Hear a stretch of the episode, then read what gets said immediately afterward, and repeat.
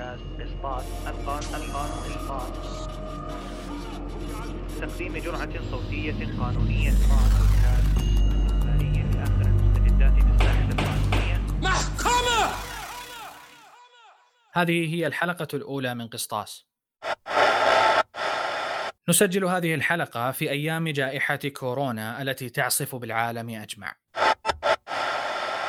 متخذين أقصى تباعد اجتماعي ممكن، نسجل هذه الحلقة من قارتين. أحدثكم من ولاية فلوريدا الأمريكية ويشاركني الزميل زكريا الملحم من ولاية مينيسوتا للحديث عن الملخص الإخباري ثم ينضم إلي ضيفنا العزيز المحامي فيصل المشوح من منطقة الرياض يعني أنا مثلا لدي حكم أمام أحد اللجان وهناك أمامنا 60 يوم لتقديم الاعتراض ولكن آه، الجهة لا يوجد لها أي تواصل عن بعد وبعد يعني التواصل آه، يعني آه، هاتفيا معهم أفادوا أنه لا يوجد يجب الانتظار لحين عودة العمل بالمحاكم ويستندون إلى المادة 22 من نظام المرافعات أنها تكون أول يوم عمل هو آخر يوم لمدة الاعتراف.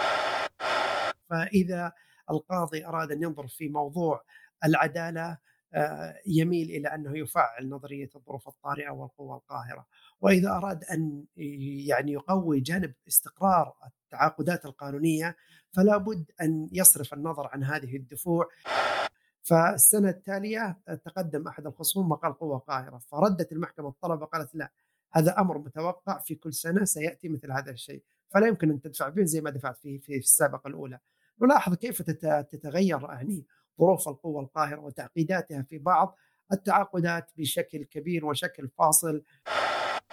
المحكمة أعجبها هذا البند في هذا العقد وحكمت لصالح المدعى عليه وردت دعوى المدعي وقالت حيث ثبت وقوع الحريق من المدعى عليها وفق تقرير الدفاع المدني فإن المدعى عليها غير مسؤولة عن عن الأضرار. آه يتضح من هذا الحكم حقيقة أن الأطراف ساعدوا المحكمة على تحديد القوة القاهرة.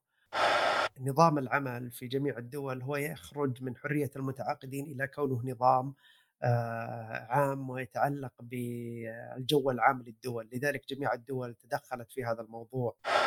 كلنا مسؤولين في هذه الأزمة سواء صاحب عمل أو عامل أو متعاقدين آخرين. والله في الحقيقة أنا أشوف اللي يحدث هو شيء إيجابي بشكل كبير وهذا هو دور المحامين المختصين القانونيين. هذا هو وقتهم في تقليب النظريات القانونية إلى الواقع وتطبيقها على الأحداث. هنا يمكن أن نصل إلى نتائج إيجابية. بودكاست تقديم جرعة صوتية